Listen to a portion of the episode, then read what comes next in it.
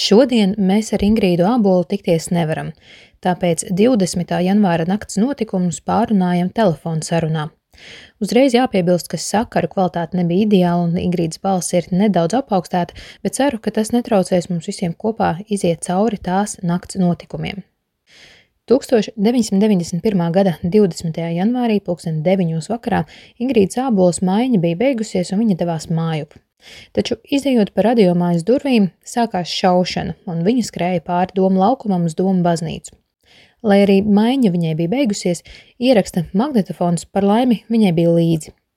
Doma baznīcā tolaik bija ierīkots metpunkts, un pēc brīža baznīcā sāk ieplūst ievainotie. Turpina Ingrīda Ābola. Pienāca pie manis tur ārsts, kurš to visu vadīja, un viņš teica tā, es redzu, ka jūs esat žurnālisti, vai jūs varat palikt, esat gatavi palikt. Un es teicu, dodiet man telefonu un pāris minūtes. Toreiz jau bija parastie telefoni, mobilie nebija. Es no tā telefona piezvanīju uz mājām vīram un bērniem. Divi bērni vēl bija maziņi. Es teicu, zini, es varu nepārnākt, bet man šeit ir jāpaliek. Un tās uzdevums tad ir bērns izaudzināt labus.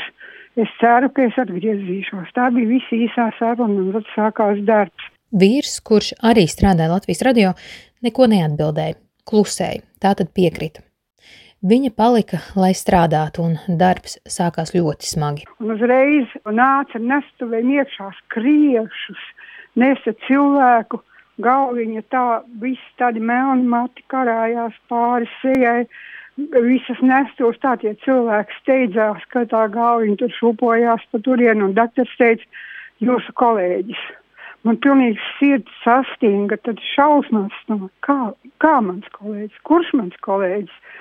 Un tad tās nestos tur nolika netālu zemē, un tad es uzzināju, ka tas ir Andris Lapiņš, un ļoti dakteris centās vēl kaut ko darīt, visi bija tur ar asiņiem noplūdis, dakteris neko nevarēja izdarīt, un es stāvēju ar savu ierakstu magnetofonu, man nedzina projām, neteica, ka es traucēju, un tad es tur ierakstīju to vārdiņu miris, bet tas bija briesmīgi.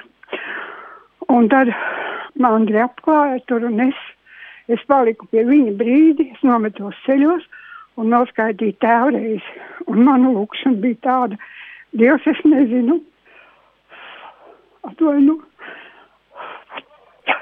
Dievs, es nezinu, vai Andris tev ticēja vai neticēja, bet Es zinu to, ka viņš ir devis savu dzīvību par Latviju, un tāpēc lūdzu tagad pieņem viņu savā valstībā. Pēc lūkšanas un īsas sarunas ar Juri Podnieku, kurš meklēja Andris Lapiņu, Ingrīda Abo devās intervēt cietušos un ārstus, kas par viņiem rūpējās. Šeit daži fragmenti no tā, ko tonakt dzirdēja radio klausītāji. Tātad ir 20. janvāra vakars, un es stāvu pie sava kolēģa nu jau miruša pie Andra Slapiņa. Nu, cietušo mums atveda praktiski jau mirušu. Kur ir brūce, kur šauts? Tā, eh, cietušajam brūce, šauta brūce galvā. Acīm redzot, tas arī bija nāves cēlonis, precīzāk mm, diagnoze un, un nāves cēloni varēs pateikt pēc uh, tiesas medicīniskās ekspertīzes Um, izdarīšanas. Jūs, doktor, piezvanījāt arī uz pirmo slimnīcu? E, tagad tikko sazvanījāmies ar pirmo slimnīcu, un uz doto brīdi ir tādas ziņas, kad uh, pulkstenis 10.35 minūtēm ir uh, pirmā slimnīcā trīs miruši apšaudas laikā un divi cietušie tiekot patreiz operēti smagā stāvoklī. Civilie? Principā civili iedzīvotāji pārsvarā. Lai palaistu ierakstu, to, protams, vajadzēja apstrādāt. Tajā naktī strādāja trīs operators, un visas gribēja montēt šo ierakstu. Tika dot atļauja ierakstu palaist ēterā. Lai arī Ingrīda Abola bija lieciniece tās naktas notikumiem, kopbildi notikušiem viņa ieguva vēlā naktī jau mājās esot.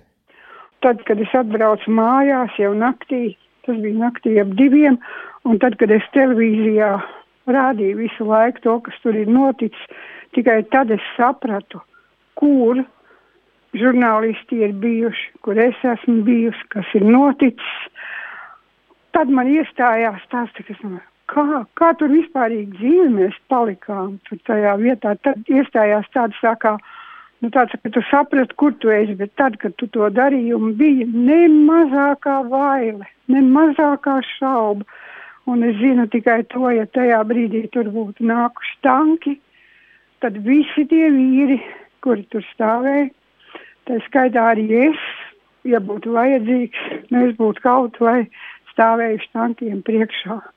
Un tajā, tajā naktī, tajā, ko es tev te visu stāstu, es sapratu, ko nozīmē dzimtenes mīlestība. Ko nozīmē, ka cilvēki ir gatavi dzīvību par to dot. Tā bija, tā bija tiešām.